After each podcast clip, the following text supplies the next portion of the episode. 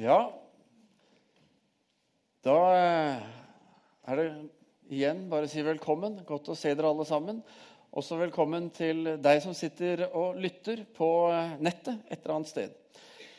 Kjekt at du også er med. Vi er som sagt i denne serien som heter Modige valg, hvor vi stiller spørsmålet eh, hvordan skaper vi en bedre framtid? For Vi trenger å være klar over det at de valgene vi tar i dag, de har en konsekvens for morgendagen vår, for framtiden vår. Og for oss da å kunne skape en bedre framtid, så handler det ofte om at vi trenger å ta noen modige valg. Valg som er litt større enn det vi kanskje liker. Eh, kanskje står det mellom det rette valget og det lette valget. Eh, hvor det rette er jo det vi gjerne vil oppmuntre til. Og vi, eh, I denne serien så ser vi på Josva, som eh, fikk i oppdrag å lede israelsfolket inn i det lovede landet. Han overtok etter Moses, Moses som hadde ledet eh, israelsfolket ut av Egypt. og De hadde vandret rundt i ørkenen i 40 år. Eh, nå hadde Josfa overtatt stafettpinnen, og han skulle lede dem inn og overta dette landet for dem. Og Dette oppdraget er såpass stort og utfordrende at Gud, når han måte, eh, gir Josfa dette oppdraget, så sier han fire ganger i det første kapittelet allerede så sier han, 'Vær modig og sterk'. Så han oppmuntrer Josfa. Og i vers 9 så sier han, eh, knyttet med et løfte, så sier han, vær modig og sterk. La deg ikke skremme, og mist ikke motet, for Herren i Gud er med deg overalt hvor du går. Og Det er et løfte som bygger mot, og som jeg også tror bygde mot inn i Josua sitt liv. For en del år tilbake, da jeg var ganske sped, og min bror Øystein, som er to og et halvt år eldre enn meg, han var på det tidspunktet ca. to og et halvt år. Eh, og vi bodde i Tromsø. Så du skjønner hvorfor jeg var sped. Jeg var altså et spedbarn. Det var vinter, det var mørkt, og Øystein ville ha grøt. Og, eh, for det var av det beste han fikk. Og mamma hun stelte da i gang med å skulle lage til denne grøten. Men så skjedde det at strømmen gikk. Og ikke bare gikk strømmen i leiligheten, men når mamma kikka ut av vinduet, så var det faktisk mørkt så langt øyet kunne se i Tromsø by. Og hun hadde god utsikt fra leiligheten. Og, men han unge karen Øystein han har jo ikke veldig stor forståelse for dette med strømbrudd og, hvordan det hindrer han i å få det han vil ha. Så han var ganske påståelig og fikk et lynne etter hvert, som ofte små barn får når de ikke får vilja si. Så mamma sier ok, vi må, vi må be til Jesus om at han skal hjelpe oss. Og så sitter de sammen, da, mamma og storebror min, ved dette kjøkkenbordet med stearinlyset tent. Og så ber de til Gud om at han skal gi dem eh, strøm, så de kan lage denne grøten. Og når de sier amen, så går lyset på inne på kjøkkenet. Oi! ikke sant? Mamma kikker ut. Det er fremdeles helt mørkt ute. Så tenker jeg, ok, nå må jeg bare lage grøt. Så hun lager grøt og får den oppi skålen og setter den på bordet bort der Øystein sitter klar med skjeen og venter. Og så går lyset av igjen. Og så sier Øystein ordene som har fulgt han gjennom hele livet. Nå tøyser Jesus fælt nå, mamma. I dag skal vi snakke om modige bønner. Og dette er de bønnene som ofte havner på den skalaen vi har, som går fra det vanskelige, nær sagt umulige, til det som er utenkelig, og vi tenker ikke på det. Eh, jeg vet ikke hvordan det er med deg, om du har noen bønner i den kategorien som bare føles altfor store. Ofte er det sånn at vi må lete etter dem for å finne dem, fordi vi har måte, bare lagt dem til side og tenkt at nei, dette eh, kan jeg nok ikke be om, eller dette kommer nok ikke til å gå. Eller vi bare aldri tenkt at det kan jeg be over. Eh, det er ofte sånn at eh, modige bønner de bes der det er rom for det, og der vi våger å tro at det er mulig. Bønnene våre er på mange måter et speilbilde av vår tro, av det håpet vi har. Og For mange av oss så er tro noe vi har som et bestemt valg. Altså Vi har bestemt oss at ja, jeg vil tro på Gud, jeg vil eh, tro på Jesus. Og mange har en dato i livet hvor vi tok den bestemmelsen. Men så blir det fort sånn i hverdagen at troen den eh, måtte forsvinne litt i bakgrunnen i alt det som skjer. Eh, og kanskje dukker den bare opp der vi trenger å ta spesielle valg. Og så tenker vi at søren, skulle ønske den var der når jeg tok det valget også. Eller kanskje er troen akkurat det du trenger for å kunne komme deg i kirka, eller be aftenbønnen din, eller gi litt i eh, kollektbøssen. Eh, og Enten du gjør dette for din egen skyld eller du gjør det for at du vil at barna skal få del i noe, så eh, handler jo, er tro noe som forteller oss om noe som er større. Men det er ikke alltid vi helt klarer å sette ord på og vite hva det handler om. Og For mange så blir tro derfor en trygghet som vi tar med oss mer enn en sånn der modig 'Yes, kom igjen, nå skal vi stå på og si det ved livet'. Og Så jeg har bare lyst til å stille et spørsmål før vi begynner å se på eh, Josfa kapittel 10, som er eh, utgangspunktet for i dag. Og jeg har lyst til å spørre, Er den troen som, eh, eller den formen av tro som du lever etter, eh, noe som leder deg til å ta modige valg? Som leder deg til å våge å stå inn i noe som du selv ikke kan måtte svare fullt og helt for? Og som vi har sett gjennom denne serien at Josfa måtte gjøre mange ganger. Er det rom for det utenkelige, det umulige, i din tro? Og Med det spørsmålet som en sånn bakgrunn skal vi gå i gang og se på Josfa. Og det som er eh, nå eh, eh, Konteksten her før vi går i gang, det er at eh, Josfa han står eh, i møte holdt på å si, Det er fem hærer, bl.a. amorittene, som vi møter i det første slaget. De står klare til kamp mot eh, dem. Og Josfa han bestemmer seg for at det beste forsvar det er å gå til angrep. Så de drar ut om natten eh, og går imot fiendens leir, der fienden holder til. Og eh, Når de kommer dit, så sier Gud følgende til Josfa. I vers 8 i kapittel 10 så sier han.: Vær ikke redd for dem. Jeg overgir dem i dine hender. Ikke én av dem skal greie å holde stand mot deg. En slags sånn gjenklang av det løftet som vi leste i stad, som han sa i begynnelsen. ikke sant? Vær, ikke, eller vær modig og sterk, osv. På mange måter så sier Gud at det, bare gå du, Josfa. Kom, alt er ferdig. Denne seieren, den skal du få. Og Vi ser at angrepet det går veldig bra. Eh, de overrasker fienden, og de får et skikkelig overtak. og ting går deres vei. Og Vi ser at selv Gud er med i denne kampen og på en måte heier og sier ja, denne kampen skal, jeg, skal jeg være med og kjempe for deg. Vers 11 så ser vi det står at da de hadde flyktet for israelittene og var kommet til bakken ned fra Bet Horon, kastet Herren store haglesteiner fra himmelen ikke sant, som traff da fienden.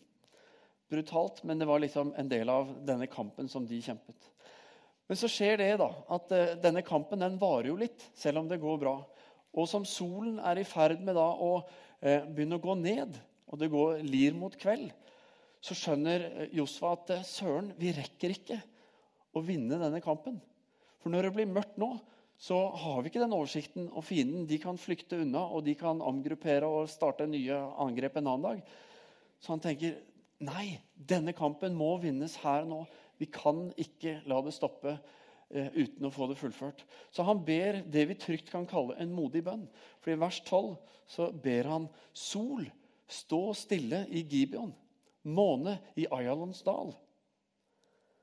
Josva ber Gud om å stanse solen, slik at dagen kan bli lenger, sånn at han kan fullføre det slaget og få den endelige seieren. Josfa hadde tydeligvis rom for ikke bare det umulige, men også det utenkelige. Vet ikke hvor ofte du har tenkt på det at du skulle stanset solen for å få en litt lengre dag. Josfa tenkte den tanken, og han vågte å be den bønnen. Og Er du litt oppmerksom og fulgte litt med på skolen, så skjønner du at bønnen er jo feil. Altså, Solen står jo stille, den. Det er jo ikke noen bønn. Det er jo jorden som kretser rundt. Ikke sant? Men selv om Josfa på den tiden ikke visste det og ikke skjønte dette, og han bare så solen bevege seg i forhold til der hvor han sto, så skjønte Gud poenget. Gud hørte og forsto den bønnen. Og vet du hva? Jeg tror ikke bare Gud hørte og forsto, men jeg tror Gud frydet seg over at Josfa våget å be en så eh, voldsom og mektig bønn som det han gjorde. Jeg tror Gud tenkte 'For en mann! Heia Josfa! Så utrolig bra at du ba den bønnen!' Det er så bra. ikke sant? Det er klart jeg skal stanse solen. Ikke sant? Dette ordner vi. Og så er jeg sikker på at litt sånn der juleevangelisk vis er det en sånn engelsk hærskare som står i bakgrunnen og Go Josva! Go Josva! Som bare er så bra at du våger å ha tro til å formulere Be den bønnen. Stans solen, liksom. Vet du hva? Jeg tror Gud elsker når vi handler i tro. Når vi tar steg som er større enn det vi selv måtte klarer å, å måle opp. Og Så leser vi i vers 13.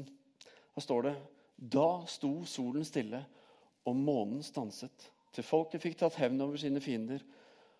Og dagen oppsummeres da videre i vers 14, hvor det står Aldri har det, verken før eller siden, vært en dag som denne, da Herren bønnhørte en mann slik, for Herren førte krig for Israel. Nå antar jeg at uh, du sikkert har noen spørsmål ved denne hendelsen. Hvis du er litt sånn vitenskapelig uh, interessert og ok, hva skjer i verdensrommet, og hvordan ting forholder seg, så skjønner du at ok, hvis du plutselig stanser noe, så får det masse komplikasjoner. Og ja, det er store spørsmål. Uh, eller kanskje du bare lurte på hvordan det gikk med gutta så lenge i solen. Hadde de nok solfaktor, liksom? Vet ikke hvordan du angriper den, men spøk til side. Eh, det finnes utfordrende spørsmål helt, klar, helt, klart ved dette. Men fortellingen er allikevel, og vitnesbyrdet er allikevel at sånn var det. Men jeg tror det viktigste spørsmålet som vi kan stille oss, er det spørsmålet som eh, Stephen Furtick, pastor i Elevation Church, som har skrevet boken som heter 'Sun Stand Still', han skriver følgende spørsmål. Kan det tenkes at Guds intensjon for vår tro er at vi skal ha den samme type modighet som gjør at vi våger å tro Gud for også det umulige, og at det er normalen. La meg klargjøre litt hva han mener når han sier at dette er normalen. Fordi Josfa selv skriver jo at dette er utenfor normalen. Aldri før har det skjedd, sier Josfa om dette. Så tanken er ikke at vi skal gå hjem og forvente at uh, underet bare skjer mirakuløst overalt, bare vi ber det og tenker det. Det er ikke det. Jeg syns Margit Tytingvåg eh, som går her i menigheten, formulerer noen visdomsord av og til. og Hun sa det veldig godt her forleden, hvor hun sa at ja visst gikk Jesus på vannet. Men for det meste så tok han båten eller gikk rundt. Og det syns jeg er et sånn illustrerende godt poeng. Eh, for Vi kan fort bli så opptatt av at det skal være sånn hele tiden. Ikke sant? At vi alltid skal gå på vannet. Og Det var ikke det som var meningen med at Jesus gikk på vannet. Og det er ikke at vi alle skal stanse solen, ikke sant? Og så videre. Jeg har ikke for mange mirakuløse hendelser i mitt liv. Jeg skulle gjerne hatt flere. Og jeg skulle gjerne eh, hatt flere sånne stans solen-mirakler enn det jeg har opplevd. Hatt eh, flere erfaringer av det Eva delte i stad, med å be for noen som er syke, og se at de blir helbredet sånn. Eller som min bror og mor erfarte hvordan Gud grep inn i den lille, egentlig ubetydelige, men allikevel viktige hendelsen. Poenget til Furtick tror jeg er at mange av oss opplever mindre av Guds inngripen fordi vi eh, ikke har fått anledning, eller bare på en måte aldri har lært, eller blitt utfordret på å søke Gud aktivt i tro. At tro er ikke bare en, noe vi tenker, men det er handlinger som vi også gjør. Eh, og på den måten også får erfare hva Gud gjør gjennom det. Og jeg tror dette handler mye mer om kulturen som vi har i menighetene våre, i samfunnet vårt. Det at vi ikke våger å gjøre det som er utenfor det vi selv kan forklare og forstå. Eh, jeg tror det handler mer om det enn at det handler om at din og min tro er for liten, ikke holder mål. Men det handler om hvilken kultur er det som preger den. For jeg er overbevist om at Gud svarer eh, disse stans solen-bønnene også i dag, når vi ber de. I oktober 2008 så var jeg i Uganda sammen med min far Ivar og min bror Øystein, som du ser her. Så står vi sammen med biskop eh, Julius Ojet. Eh, og Vi reiste dit sammen med en gruppe fra en menighet i New York. En menighet hvor Mike og Lisa Plunkett, eh, som kanskje noen av dere husker, de har vært her i noen anledninger i forbindelse med College of Prayer. Julius har også vært her, forresten.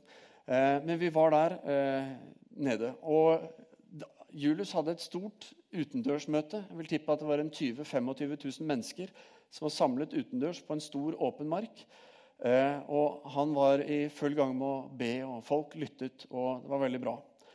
Så sitter vi litt sånn på siden, for de hadde laget en sånn der, eh, plass for oss.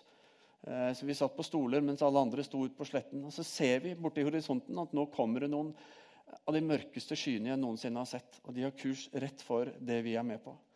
Og som eh, møtet utviklet seg og talen utviklet seg, så kom dette nærmere og nærmere. Og det truet virkelig, og vi skjønte at kommer dette hit, ja, da stanser møtet ganske fort.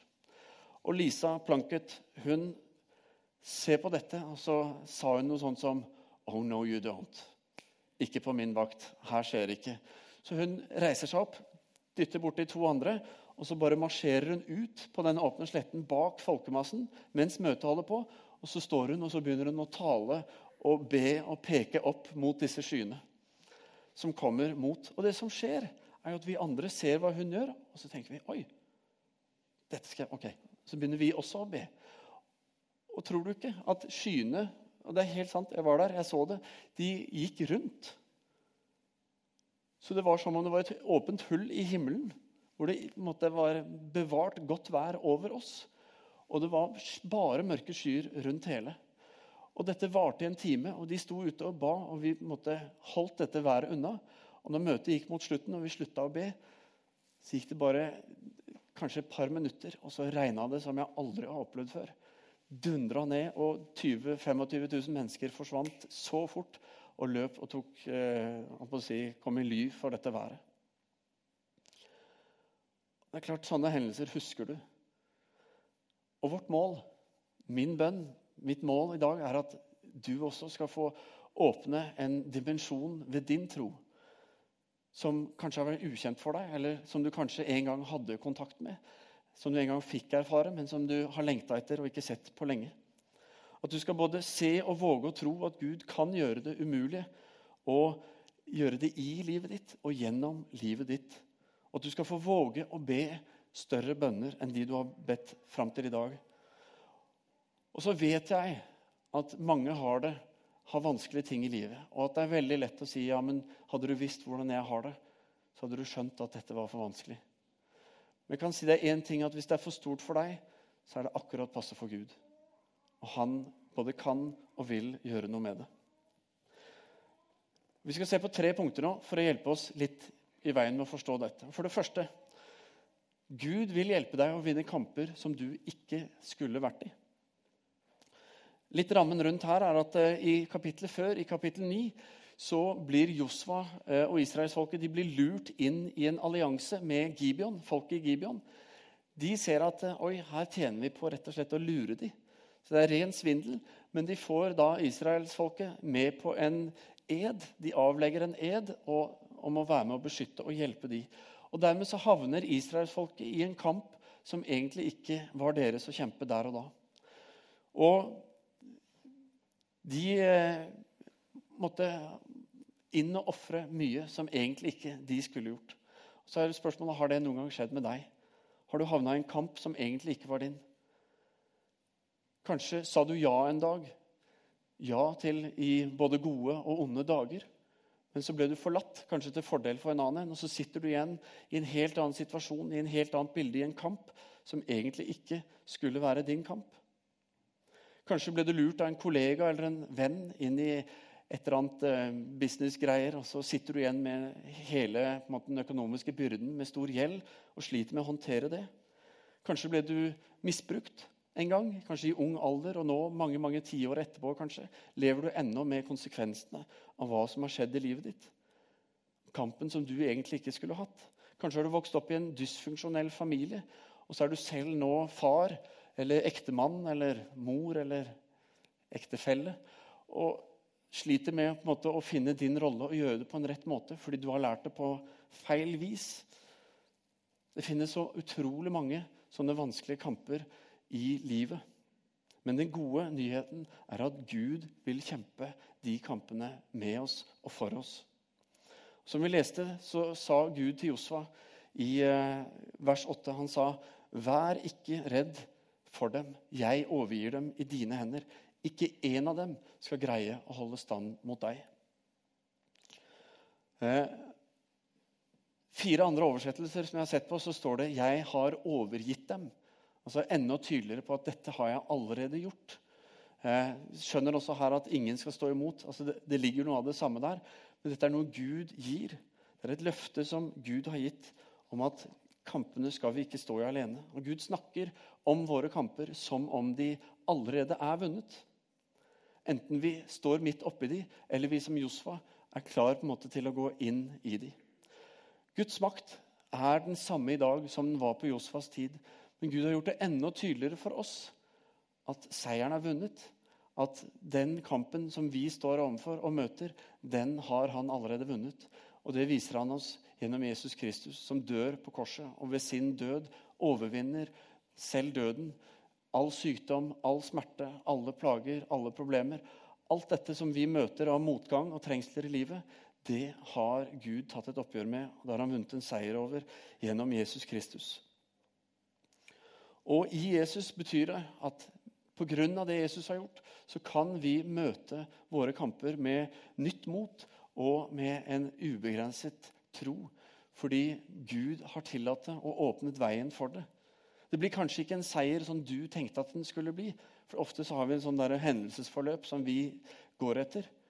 Men seier er noe som Gud ønsker å gi alle som vil tro Han, og som vil søke Han for eh, i de situasjonene vi står i.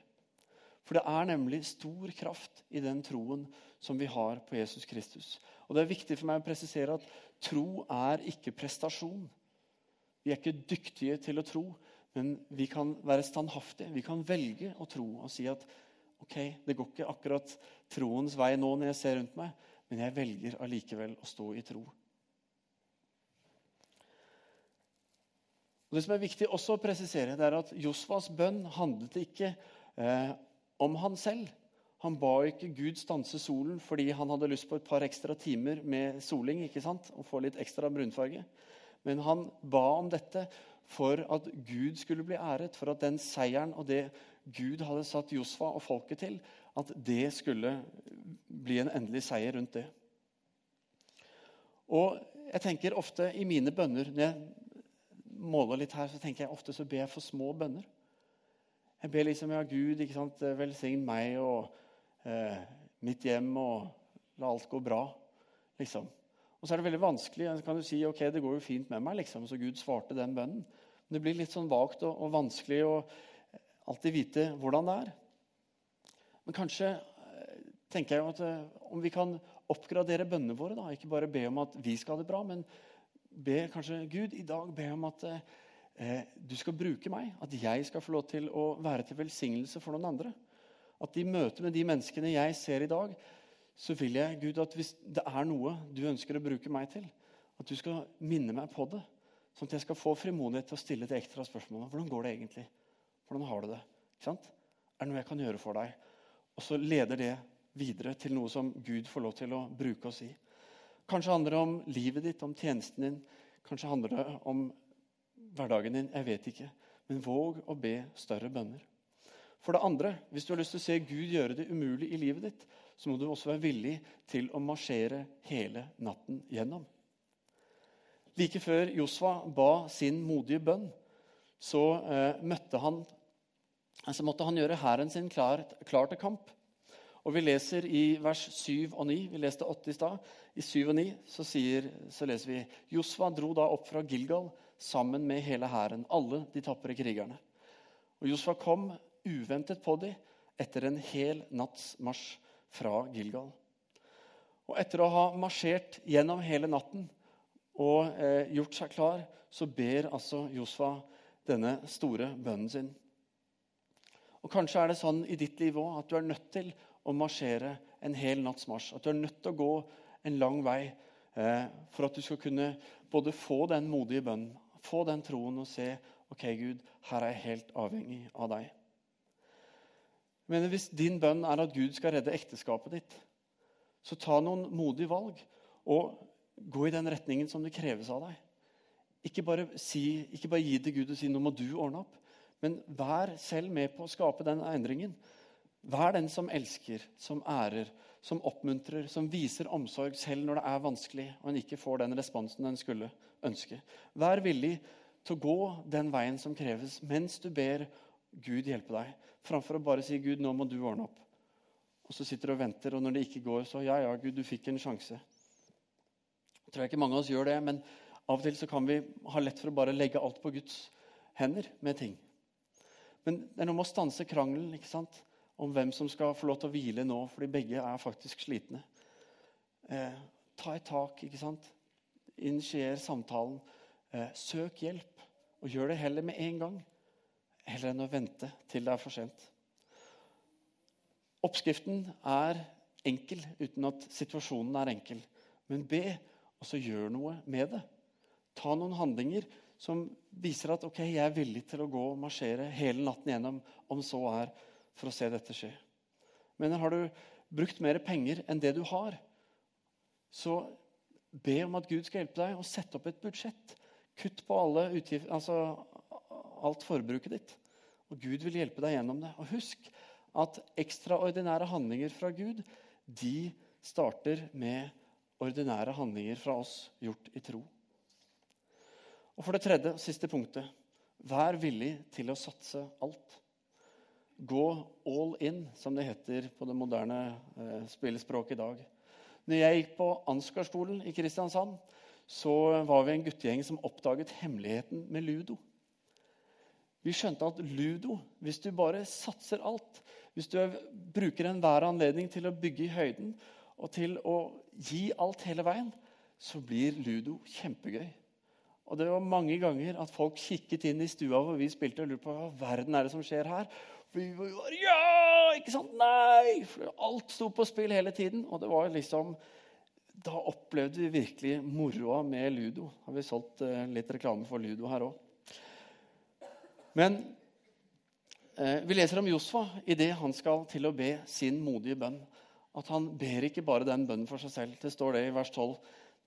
På den dagen da Herren ga amorittene i israelittenes hånd, talte Josfa til Herren, og han sa i israelittenes nærvær Sol, stå stille i Gibeon, månen i Asjalons dal. Dette ba han foran folket. Han var villig til å satse alt. For han tenkte dette må Gud gjøre. Dette trenger vi akkurat her og nå. Min klassiske måte å møte en sånn utfordring og be en sånn bønn på, det er selvfølgelig å be den i mitt eget lønnkammer. Ikke sant?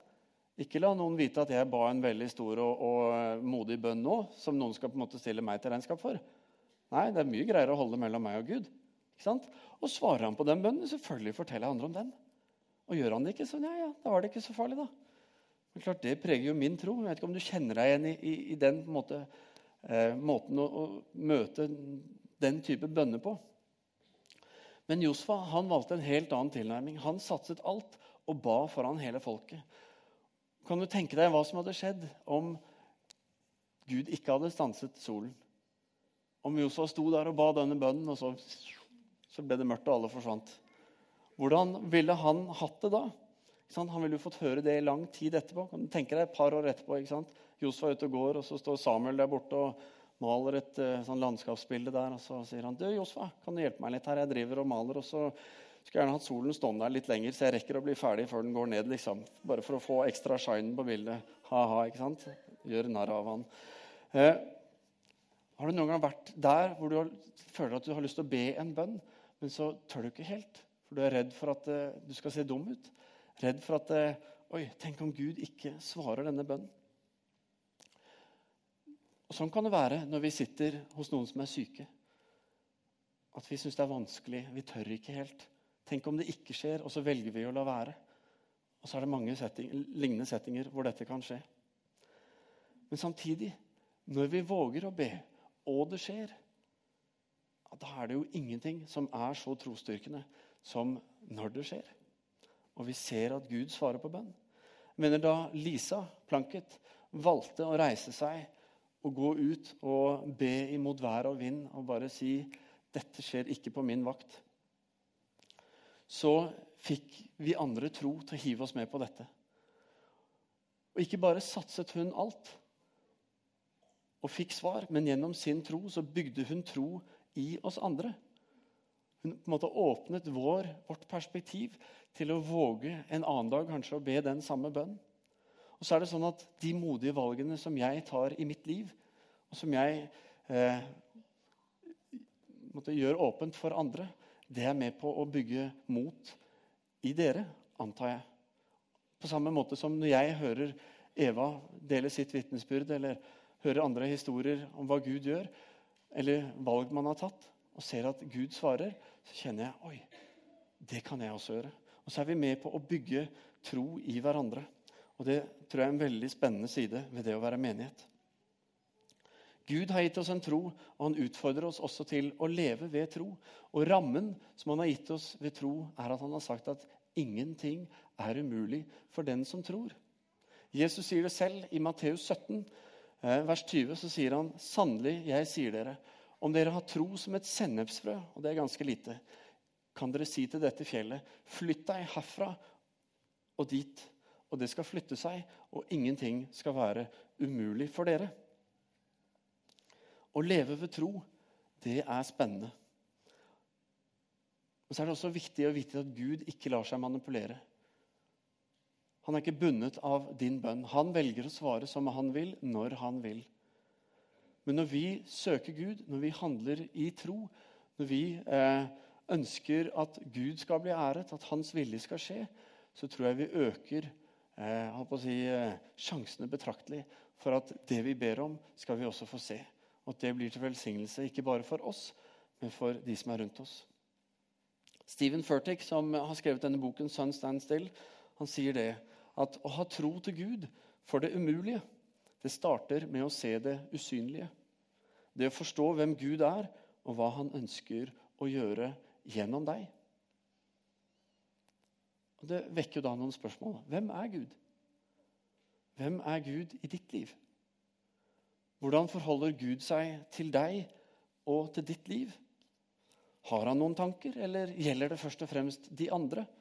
Ikke så mye deg, fordi du er jo ikke osv. Men kan det tenkes at Gud har til intensjon at den troen du har, skal være noe du skal få oppleve er både større, rikere og bedre, tryggere? Men hva lengter du etter i din hverdag? Hva lengter du etter på vegne av menneskene som er rundt deg, der du er satt i din hverdag? Skulle du ønske Gud kunne gjøre noe mer for de, gripe inn i livene deres, skape en forandring? Vet du hva? Han kan det. Og I de aller fleste tilfellene både kan han og vil han, og han ønsker å gjøre det gjennom deg og meg. Han har ikke tenkt at dette er bare noe pastoren skal gjøre, eller en eller annen, men han ønsker å bruke deg og meg. Så jeg har lyst til å oppmuntre deg til å våge å tro Gud for større ting i ditt liv. Våge å be modige bønner. Og et viktig poeng helt avslutning. Ikke gå ut herfra, og så går du hjem og så løser du den evinnelige nabofloken som du har hatt så lenge. Så ber du Gud bare flytte hele huset til naboen til et annet nabolag. For nå har du fått nok. ikke sant? Nå har du lært at det, den bønnen kan du be. Ikke sant? Det er ikke det jeg sender deg ut på. Men ta tak i det som gjerne har ligget i deg i mange år. Eller kanskje det Gud har minnet deg på nå i formiddag. Ting som du bærer en lengsel på, som du kjenner Oi, skulle ønske. Ta tak i det og be Gud om å komme og blåse liv i det på ny. At det skal få vokse fram. Og at eh, det livet som Gud egentlig ønsker at vi skal erfare at det skal få vokse fram. At ikke vi skal være bundet av kultur og samfunn og eh, en sånn behov for at alle skal se på oss og tenke å, så flinke de er som klarer alt dette på egen hånd. Men at vi skal få se Gud virke midt iblant oss. Og når du gjør, ber den bønnen, så snakk med noen om det. Snakk med noen som du har tiltro til, som du kan be sammen med, og som du vet vil på en måte eh, lede deg og heie på deg i din jakt etter å måtte få tak i det som Gud har lagt ned på ditt hjerte. Og Når du gjør det, som Josfa, som var under, Josfa, nei, under Moses i mange år og ble satt til leder, og så begynte Gud å bruke ham på en mektig måte, også som eh, øverste leder, ikke bare som en hærfører. For vet du hva? Sjansen er, er jeg ganske sikker på, sjansen er ganske stor for at du er på rett plass i livet. Og Det vi gjerne trenger, det er å få lov til å få et bredere perspektiv. Et større bilde av hva Gud ønsker og kan gjøre i og gjennom oss.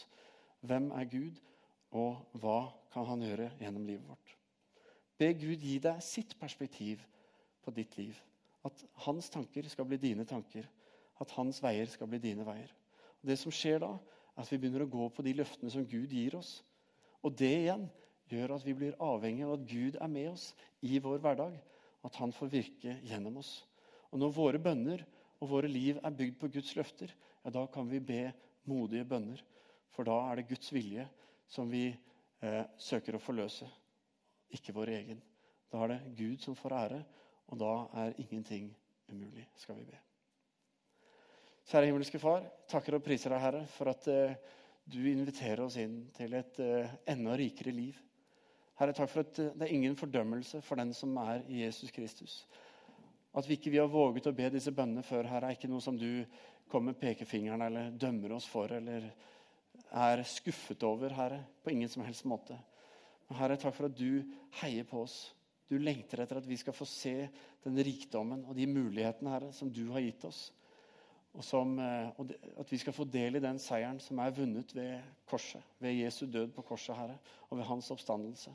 Herre, jeg bare ber om at uh, du skal bygge ny tro i oss, Herre. At vi skal få mot og lyst til å ta disse valgene som har vært vanskelige. At vi skal få lov til å be disse bønnene, Herre, som ikke vi helt har eh, våget å tro, Herre, eller ikke engang har tenkt på. Men takk, Herre, for at du heier på oss og at du ønsker å se store ting skje. For du har lært oss å be la din vilje skje, og la ditt rike komme. Så Herre, la det få bli vår bønn fullt ut. Og la oss våge. Hjelp oss, Herre, til å ta nye og større eh, steg og valg i tro. Ved Jesu navn.